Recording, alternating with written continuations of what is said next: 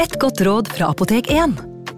Nå er snart pollensesongen i gang, og et godt råd til deg som sliter med pollenallergi, er å begynne behandlingen i god tid før allergisesongen starter. Da får du nemlig enda bedre effekt av legemidlene, og så blir ikke våren din helt ødelagt. Kom innom og få råd på ditt nærmeste Apotek 1, eller chat med oss på apotek1.no. Apotek 1 vår kunnskap, din trygghet.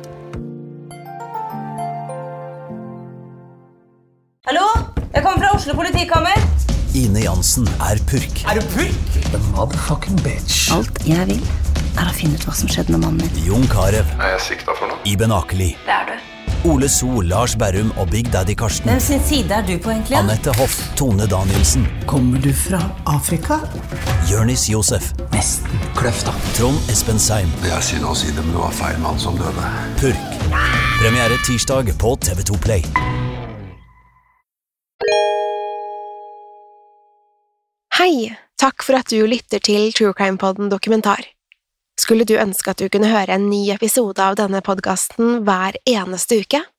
Vel, da er det bare å laste ned podkastappen Untold med en gang. I tillegg til ukentlige episoder av podkaster som Skrekkpodden, Synderne og True Crime Podden, får du masse annet reklamefritt og eksklusivt innhold. Last ned Untold i AppStore eller Google Play, og start din 30 dagers prøveperiode i dag. you.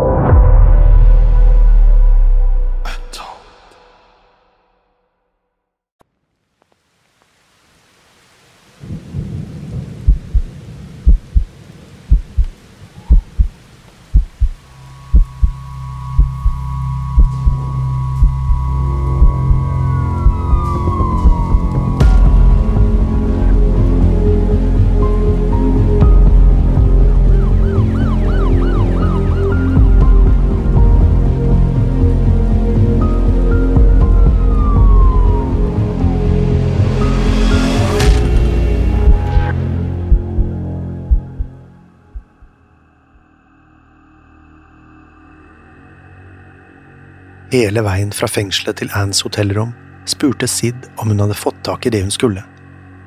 Ann fortsatte å berolige ham og svarte ja hver gang. Selv om Sids venn, Peter, visste at Ann hadde supplert Sid med narkotika i ungdomsårene, var det fortsatt et merkelig syn. Det var ikke mange han kjente som ba mødrene sine anskaffe heroin. Peter sa ikke stort der de gikk med raske skritt nedover gatene i New York. Han visste at de var nødt til å være forsiktige. Sid hadde ikke skutt heroin på over 50 dager, så de var nødt til å ta det rolig og i små doser. Om han fikk for mye på en gang, kunne det fort ta livet av ham. Likevel visste Peter også at Sid ikke var typen til å begrense seg. Allerede før de nådde hotellrommet, begynte Sid å grave i lommene til moren sin. Anne dyttet ham unna og ba ham vente til de var inne, men Sid fortsatte å mase. Da de endelig nådde hotellet, nærmest løp Sid opp trappene. Anne og Peter fulgte etter og prøvde å holde tritt. Vel inne på rommet satte Sid seg på sengen, og Peter slo seg ned i en stol i hjørnet. Sid ristet omtrent der han satt, mens Anne rotet i vesken sin etter stoffet. Til slutt dro hun opp et sammenbrettet sigarettpapir. Sids øyne lyste opp da Anne brettet ut papiret og det brune pulveret på innsiden kom til syne. Mens Anne blandet inn pulveret i en skje og varmet det med lighteren sin, tente Peter en sigarett og kikket ut av vinduet. Det var vanskelig for ham å se på, for han visste hvor galt dette kunne gå. Sid var en god venn, og han ville ikke miste ham allerede nå. Anne la en liten bomullsdott i vesken og stakk en sprøytespiss gjennom den. Så trakk hun stoffet ut gjennom bomullen. Sprøyten ble fylt med en gulbrun væske, og Sid tok den imot med skjelvende hender. Han bandt et belte rundt overarmen før han fant en åre han kunne stikke i. Idet nålen brøt gjennom huden, lukket Sid øynene og ventet på effekten. Peter og Anne kikket på ham mens de ventet på at noe skulle skje. Plutselig sperret Sid opp øynene og stirret på moren sin. Noe var fryktelig galt.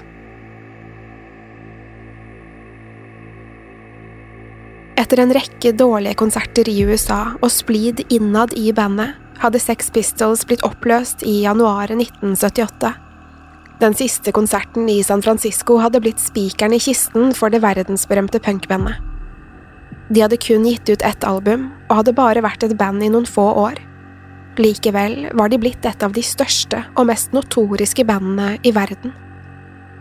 Spesielt beryktede hadde de vært hjemme i Storbritannia, hvor de ble stemplet som landssvikere etter at albumet ble sluppet. Tekstene i musikken deres var for støtende og kontroversiell for konservative briter. At samfunnet hatet dem, gjorde Sex Pistols bare mer populære, spesielt blant ungdommen. De så hvor mye foreldrene avskydde musikken, noe som gjorde det til en enkel måte å gjøre opprør. Sex Pistols hadde slitt med indre splid siden før albumet Nevermind the Bollocks ble utgitt. Medlemmene hadde gått lei av hverandre, og de visste akkurat hvem sin skyld det var. Bassist Sid Vicious sin nye kjæreste Nancy Spangen hadde kommet fra New York for å møte bandet. Snart ble hun betatt av Sid, og han ble oppslukt av henne. Nancy hadde også med seg heroin over fra statene, og sørget for at Sid ble like avhengig som henne. Han slet med tungt rusmisbruk fra før av, og hadde aldri kunnet si nei til noe. Når det kom til Nancy, gjorde han alt hun ba om, uten å nøle. Det var som om hun kastet en trolldom over ham. Hun vernet om ham og hvisket ham i øret. Nancy sa at det var Sid som var den virkelige stjernen, og at bandet ikke var noe som helst uten ham. Selv om Sid verken var musikalsk begavet eller hadde skrevet låtene til albumet, klarte hun å overbevise ham om at det stemte. Dermed gjorde Sid akkurat som han ville, eller rettere sagt, som Nancy ville. Han var ofte for beruset til å spille, og dro med seg Nancy hvor enn han gikk. Det tok ikke lang tid før resten av bandet fikk nok. De hatet Nancy og ville ha henne så langt unna Sid som mulig. Til slutt var alt blitt til krangler, uenigheter og hat. Etter den siste konserten i San Francisco var Sex Pistols historie. Alle reiste hvert til sitt, uten å se seg tilbake. Sid ble sittende igjen i California uten å helt skjønne hva som foregikk. Da han innså at bandet var oppløst, var han knust. Det hadde vært den store drømmen hans å spille i et verdenskjent band. Nå var det over, og han hadde kun vært en stjerne i elleve måneder. Det eneste han satt igjen med, var skyldfølelsen. Han var sikker på at det var hans feil at bandet ble oppløst. Imens fortsatte Nancy å hviske ham i øret. Hun klarte å overbevise ham om at det ikke var hans skyld. Det var Johnny Rotten, Steve Jones, Paul Cook og de andre som hadde ødelagt for bandet. Etter å ha ruset seg så hardt at han nesten tok en overdose, sa Sid seg enig. Likevel skulle han slite med skyldfølelsen resten av sitt korte liv. Nancy fikk til slutt med seg Sid på et fly til New York og videre til London, hvor Sex Pistols manager, Malcolm McLaren, fortsatte å representere ham. I løpet av et par måneder spilte han inn tre singler, deriblant klassikeren My Way, som i sin tid ble udødeliggjort av Frank Sinatra. Sids versjon av låten var røff, upolert og høylytt. Han snøvlet seg gjennom teksten, så mange av ordene ikke kom frem. Likevel skulle Sids versjon av My Way bli en av de mest hyllede sangene i punkhistorien. Måten Sid gjorde låten på, var selve uttrykket til punken, og Sid selv var punkens ansikt utad. Fremdeles kunne alle se at Sid slet, ikke bare med rus, men også med depresjon. Avhengigheten og Nancy holdt ham tilbake, slik at han ikke nådde sitt fulle potensial. Likevel var det ingenting de kunne gjøre for å hjelpe Sid. Han hadde gått for langt, og det var ingen vei tilbake. Sid spilte også et par konserter i England sammen med gamle venner. Like før den siste konserten annonserte Sid at han skulle flytte til New York sammen med Nancy. Nok en gang hadde hun klart å overbevise ham om at han ville bli en mye større stjerne i Amerika. Vennene hans var ikke så sikre på det, men så at Sid hadde bestemt seg. Dessuten hadde rusen gjort Sid kjedelig og uinteressant. En som han ville aldri bli stor i USA. Derfor lot de ham beholde hele overskuddet fra den siste konserten, slik at han skulle ha noe å leve av den første tiden. Det var ikke før senere at de fikk høre at overskuddet var på nærmere 12 000 pund, som tilsvarer omtrent 850 000 norske kroner i dagens valuta. Sid og Nancy tok pengene og reiste til New York. Han løsrev seg fra Malcolm McLaren, slik at han kunne gå sin egen vei. Nancy var nemlig fast bestemt på å bli Sids nye manager. Hun var sikker på at hun ville gjøre ham til en mye større stjerne enn det McLaren noen gang kunne. I New York flyttet paret inn på rom 100 på Chelsea Hotel i Manhattan. De bestemte seg for å langtidsleie suiten, slik at de kunne bo der en stund. Planen var klar. Sid skulle spille inn mer musikk og bli USAs største punkartist. Problemet var bare at Sid og Nancy var ekstremt lite effektive når de var sammen. I stedet for å bestille tid i studio og skrive musikk, brukte de Sids penger til å kjøpe så mye rus de klarte å få i seg. I tillegg vanket de på New Yorks punk- og rockklubber og holdt store fester på hotellrommet. De møtte en rekke nye venner som synes det var spennende å kjenne en tidligere Sex Pistol, men noen låter ble det ikke. Alle de møtte kunne se at Sid hadde det vondt det var tydelig at han higet etter den oppmerksomheten han ikke lenger fikk som medlem av Sex Pistols. Dermed skled han tilbake til sine gamle uvaner. Han kuttet seg til blods foran andre om det gikk for lang tid mellom hver gang noen fulgte med på han. På den måten fikk han alles øyne på seg. Så plutselig, etter kun et par måneder i New York, skulle Sid rammes av en ny tragedie som sendte ham ned i den mørkeste stien i hans liv. Tidlig om morgenen den 12. oktober 1978 våknet Sid på hotellrommet av at abstinensene var i ferd med å ta overhånd. Hele kroppen hans pulserte og skalv på en gang, og øynene hans verket av lyset fra den åpne baderomsdøren. Sid lette i blinde etter Nancy i sengen, men han kunne ikke kjenne henne. Det eneste han kjente, var noe vått mot fingrene sine. Sid reiste seg sjanglende mens han ropte på Nancy. Han fikk ikke noe svar, men regnet med at hun hadde sovnet et annet sted. Idet han reiste seg, fikk han følelsen av at han hadde sett Nancy gå inn på badet i løpet av natten. Det var bare et vagt minne, men han mente å huske at hun snublet inn dit. Han var sikker på at hun måtte ha sovnet på baderomsgulvet, men nå som han var våken, måtte også hun opp. Det var alltid hun som satt den første sprøyten med narkotika om morgenen, så han trengte at hun sto opp. Sid ropte igjen, men det kom ikke noe svar fra badet. Det eneste han hørte, var at kranen sto på der inne. Sid tok et skritt mot badet, men stoppet opp da han kjente noe vått under foten. Han løftet benet forsiktig og myste gjennom mørket for å se hva det var.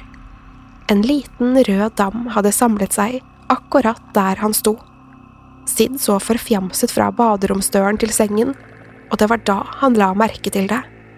Sengen var tilgriset med blod, og et blodspor gikk fra sengekanten til baderomsdøren. Han ropte på Nancy igjen, forsiktigere denne gangen.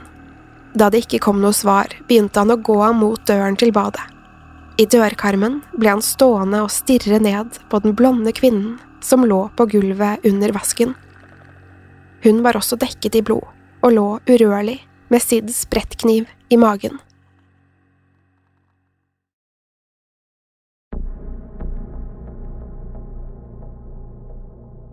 Da han endelig innså hva som hadde skjedd, fortet han seg til telefonen og slo nummeret til nødsentralen. Han oppga romnummeret, men klarte ikke å forklare hva som hadde skjedd. Kort tid senere sto politiet på døren. Da ingen åpnet da de banket, tok de seg inn på rommet. På sengen satt Sid med Nancys blod på hendene. Det var et forferdelig kaos på rommet. Det var tydelig at det ikke hadde vært noen renholder der på flere uker. Klær, sminke og søppel lå strødd utover gulvet. Sprøytespisser og sigarettstumper fylte nattbordet, og alle overflater hadde svimerker eller et tykt lag med støv. Da politiet ville vite hva som hadde skjedd, fortalte Sid at han ikke visste. Han kunne ikke huske at Nancy var blitt knivstukket. Likevel ble han arrestert, mistenkt for forsettlig drap. Nyheten om punkdrapet på Chelsea hotell spredte seg raskt og det tok ikke lang tid før pressen fikk snusen i hva som hadde skjedd. Sid var kjendis, så de visste godt at de kunne selge historien i ukevis framover. Derfor fikk saken store oppslag og flere omtaler i nyhetssendingene. Imens satt Sid i fengsel og visste like lite som alle andre. Hadde han virkelig drept Nancy, slik som politiet mente? Han husket at de hadde kranglet kvelden i forveien, men det var slett ikke uvanlig. Det var hans kniv som var blitt plantet i Nancys mage, men han kunne ikke huske å ha brukt den. Sid tenkte så det knakte, og prøvde å få minnene tilbake, men alt fra natten Nancy døde, var borte for ham. Sids venner, både i New York og London, var sikre på at han ikke kunne ha drept Nancy. Sid var en villstyring som kunne finne på mye, men han ville aldri tatt livet av Nancy. Hun hadde vært hans største kjærlighet, og han var avhengig av henne. Selv om de kranglet, hadde de alltid trengt hverandre. Nancy var den viktigste personen i Sids liv, så det virket helt absurd.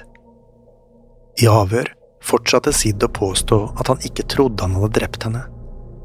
Derfor ville politiet vite hvem andre som kunne stå bak drapet.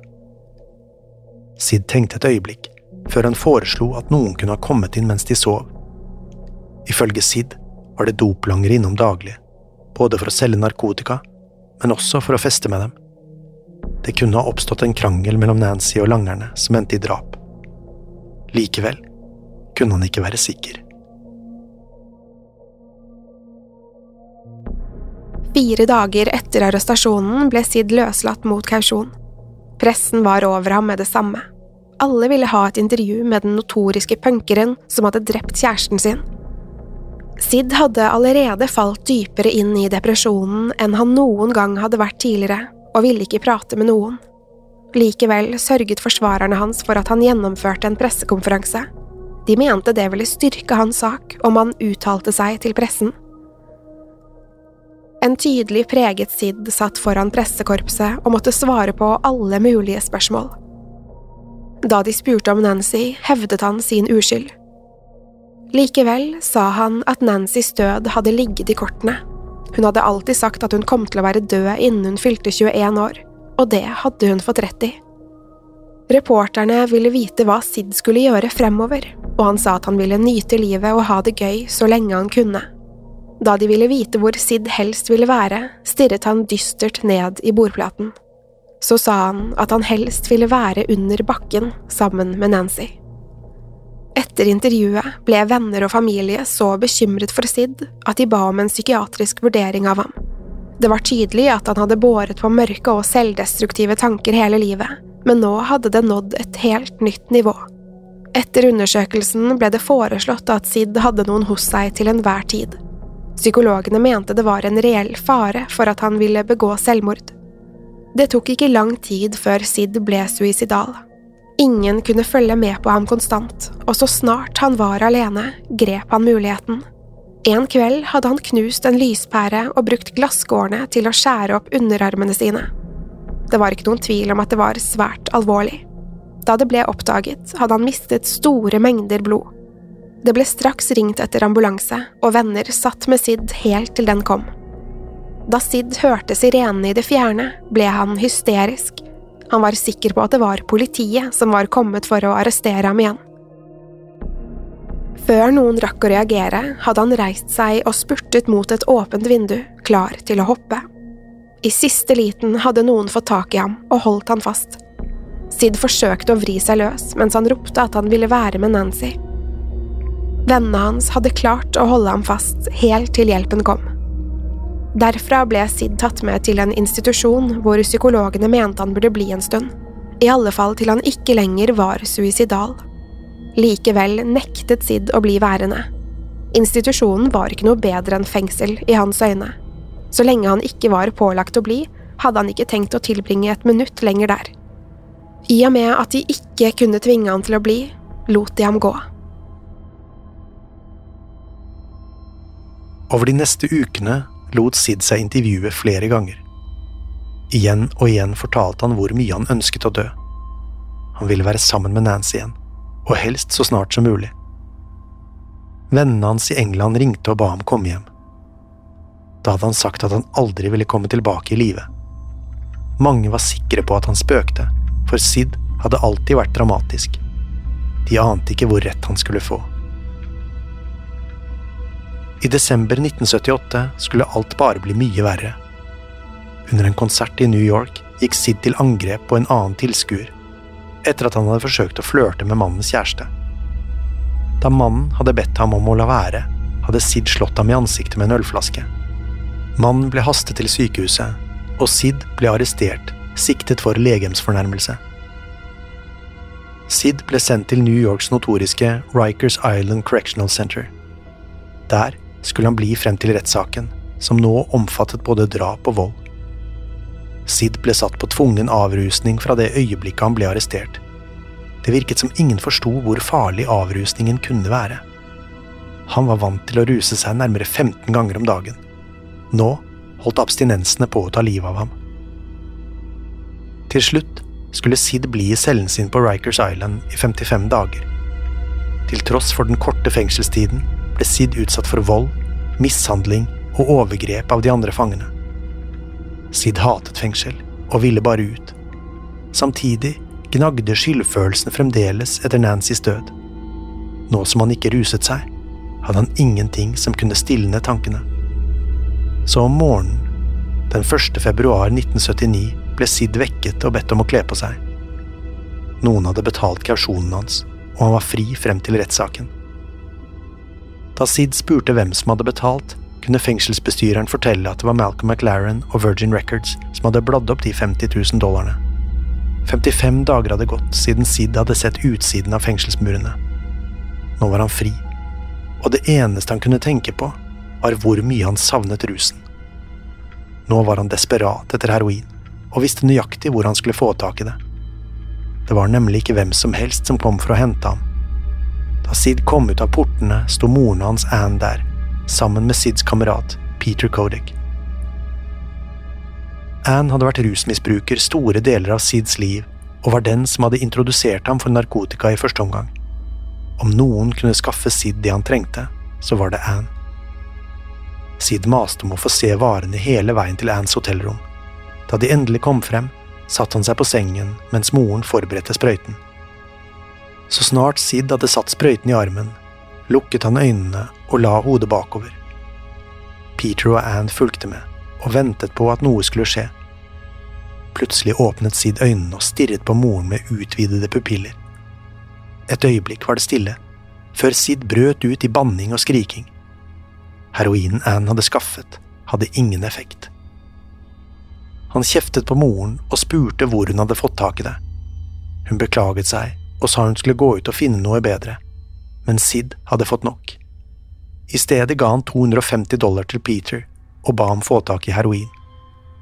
Peter nølte litt, men tok til slutt pengene og gikk. Imens satt Sid og Anne igjen i stillhet og ventet.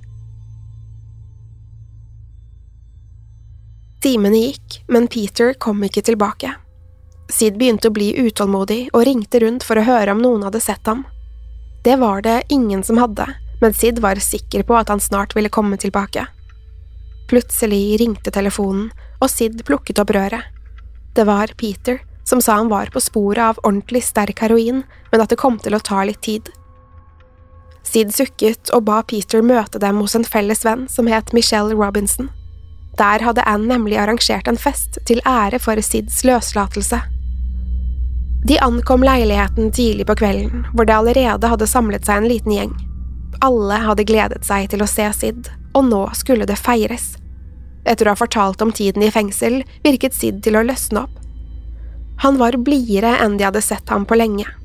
Ikke bare det, men han virket også håpefull for fremtiden. Sid snakket om at han snart ville være helt fri og kunne sette sammen et nytt band. Omtrent klokken åtte på kvelden begynte Anne å lage Sids favorittmat, spagetti bolognese. De spiste sammen, og Sid var i godt humør. Alle som var der, kunne se at han lignet mer og mer på den unge gutten som vanket i gatene i London noen år tidligere. Det var som om alle bekymringer var glemt. For en kveld så det ut som Nancy og rettssaken var visket ut av tankene hans. Rundt klokken tolv ringte det på døren. Michelle gikk for å åpne, og der sto Peter Kodik sammen med en kamerat. Dette hadde Sid ventet på hele kvelden. Peter og Sid forsvant inn på et soverom sammen, og da var det som om hele stemningen endret seg. Gjestene kikket bekymret mot døren og ventet på hva som ville skje. På innsiden fant Peter frem brukerutstyr og en liten pose med et brunt pulver. Sid lyste opp ved synet av posen, men Peter holdt ham tilbake. Han sa det var ekstremt sterk, og at Sid måtte være forsiktig. Det virket ikke som Sid brydde seg om det, men han lot Peter blande heroinen i en mindre pose. Da sprøyten ble satt i Sids arm, var det som varmen returnerte til kroppen hans. Øynene hans flakket, og han fikk et stort smil om munnen. Peter fulgte med på ham i tilfelle noe skulle skje, men alt virket normalt. Da Peter hadde forsikret seg om at Sid hadde det bra, gikk han ut i stuen og lot Sid ligge igjen på soverommet. Et par minutter senere snublet han ut døren og inn på badet hvor gjestene hørte han kastet opp. Da han kom ut igjen, gikk han rett inn på soverommet før han kollapset på sengen. Først da innså Peter at alt ikke var som det skulle. Sid bevegde seg ikke og lå med ansiktet ned i dynen. Peter løp inn på rommet og dro Sid over på ryggen. Han var allerede blitt blå i ansiktet, og det var tydelig at han hadde tatt en overdose. Peter visste ikke hva han skulle gjøre, og begynte å klaske Sid i ansiktet. Samtidig gjorde de alt de kunne for å få i ham væske. Peter ristet han i armen og sørget for å holde kontakten, og til slutt så det ut som Sid skulle klare seg. Likevel var det ikke tvil om at festen var over. Flere av gjestene hadde blitt skremt, for de hadde ikke sett for seg at det skulle bli en sånn type fest. Etter at Sid nesten hadde dødd av overdosen, forlot de fleste leiligheten. Til slutt var det bare Sid, Anne og Michelle igjen. Før Peter dro, ga han resten av heroinen til Anne og ba henne vente til neste morgen med å gi Sid en ny dose. Gjestene forsvant og timen gikk. Sid og Michelle la seg sammen mens Anne sovnet i stuen. Det var ingenting som tilsa at noe var galt med Sid. Han hadde overlevd overdosen og var på bedringens vei. Likevel kunne han ikke slutte å tenke på sin neste innsprøytning. Hva som skjedde etter at Peter Kodik forlot leiligheten, var usikkert. Michelle og Anne fortalte forskjellige versjoner av hendelsesforløpet, og ingen visste helt sikkert hva som var sannheten. I løpet av natten ble Michelle vekket av Sid. Han ristet i henne og spurte om hun kunne hjelpe ham med å sette en ny dose heroin. Michelle bare smilte og sa det ikke var mer igjen, men Sid lot seg ikke lure. Han visste at Peter hadde lagt igjen resten av stoffet i leiligheten, og nå trengte han Michelles hjelp. Uansett hvor mye Sid tryglet og ba, så ville hun ikke hjelpe ham. Til slutt ble hun så lei av maset hans at hun gikk ut i stuen for å snakke med Anne. Michelle fortalte Anne hva som foregikk, og hun sa hun skulle gå inn og se til sønnen. Michelle så Anne gå inn på rommet, før hun lukket døren etter seg. Morgenen etter samlet et stort presseoppbud seg utenfor Michelles leilighet. Nyheten hadde spredt seg om at den notoriske punklegenden Sid Vicious var død. Ifølge politiet hadde han tatt en overdose i løpet av natten og sovnet inn alene på Michelles soverom. En svart sekk med Sids kropp ble båret ut av bygningen og sendt til rettsmedisinsk undersøkelse. Der ble det bekreftet at Sid hadde tatt en overdose heroin. I ettertid var det mange som lurte på hvordan det i det hele tatt hadde vært mulig. Ifølge Michelle hadde Sid vært for svak og skjelven til å sette sprøyten selv, og ville sannsynligvis trengt hjelp. Det har fått mange til å tro at Sids mor, Anne, satte en dødelig dose heroin i sin egen sønns arm. Etter at Anne selv tok en overdose og døde i 1996, var det flere som klandret henne for Sids død, men det ble aldri bekreftet. Det var også noen som mente at han hadde inngått en selvmordspakt med Nancy. Anne var en av dem som nettopp påsto det. Etter at sønnen var blitt kremert, mente hun å ha funnet en lapp i Sids jakkelomme, der han fortalte om pakten. Han hadde også bedt om å bli gravlagt sammen med Nancy. Siden Nancy kom fra en jødisk familie og var gravlagt på en jødisk kirkegård, var det umulig. Likevel sies det at Anne, i all hemmelighet, spredte Sids aske på Nancys grav. Sid Vicious vokste opp i et utrygt hjem med en rusavhengig mor som ikke visste hvordan hun skulle ta vare på ham. Etter hvert fant han et miljø som godtok ham for den han var. Sammen med kameraten Johnny ble han et kjent ansikt i Londons punkbevegelse, og skulle bli selve symbolet på punkens uttrykk. Sid var aldri noen stor musiker, men skulle likevel bli en viktig del av et av verdens største punkband. Selv om Sex Pistols ble oppløst for over 40 år siden, regnes de fremdeles som et av de viktigste bandene i musikkhistorien. Sid var med på det som skulle bli det største ungdomsopprøret i England på 70-tallet. Han var stemmen og uttrykket til tusenvis av unge punkere. Da han møtte Nancy Spangen, forandret han seg. Hun introduserte ham for heroin og gjorde ham avhengig. Sammen var de en katastrofe som ingen kunne stanse. Nancys drap er fremdeles et mysterium den dag i dag. Da Sid døde, ble saken henlagt fordi politiet ikke hadde noen andre mistenkte. Ingen vet hvem som drepte Nancy, og vi vil sannsynligvis aldri få svar på det. Til slutt skulle Sid miste livet til rusen. Selv om venner og familie sørget over hans død, var det ingen som var spesielt overrasket. De fleste hadde sett for seg at han kom til å ende opp på den måten. Det var bare et spørsmål om tid. Til tross for at Sid har vært død i over 40 år, lever han videre gjennom musikken sin. Han levde uten frykt for døden, og det er sånn han huskes i dag. Som villstyringen som trigget et ungdomsopprør. Som en sexpistol.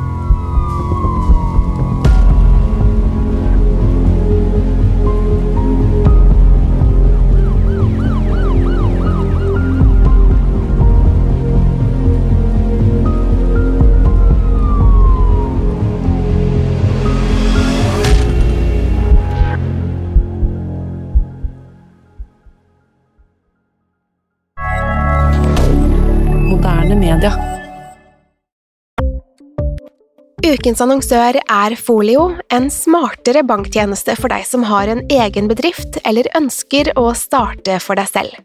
Folio er en superenkel nettbank for bedrifter. Som kunde i Folio får du en bedriftskonto med et bedriftskort og app. I denne appen er det smarte løsninger som forenkler regnskapet ditt, uansett om du har en liten bedrift eller et enkeltpersonsforetak. Folio er både intuitivt og brukervennlig, og er laget med et enkelt språk. I tillegg tilbyr de forutsigbare priser og ingen skjulte gebyrer. Skulle du likevel trenge det, så kan du snakke med deres raske og hyggelige kundeservice, og der får du prate med en faktisk person og ikke en chatbot.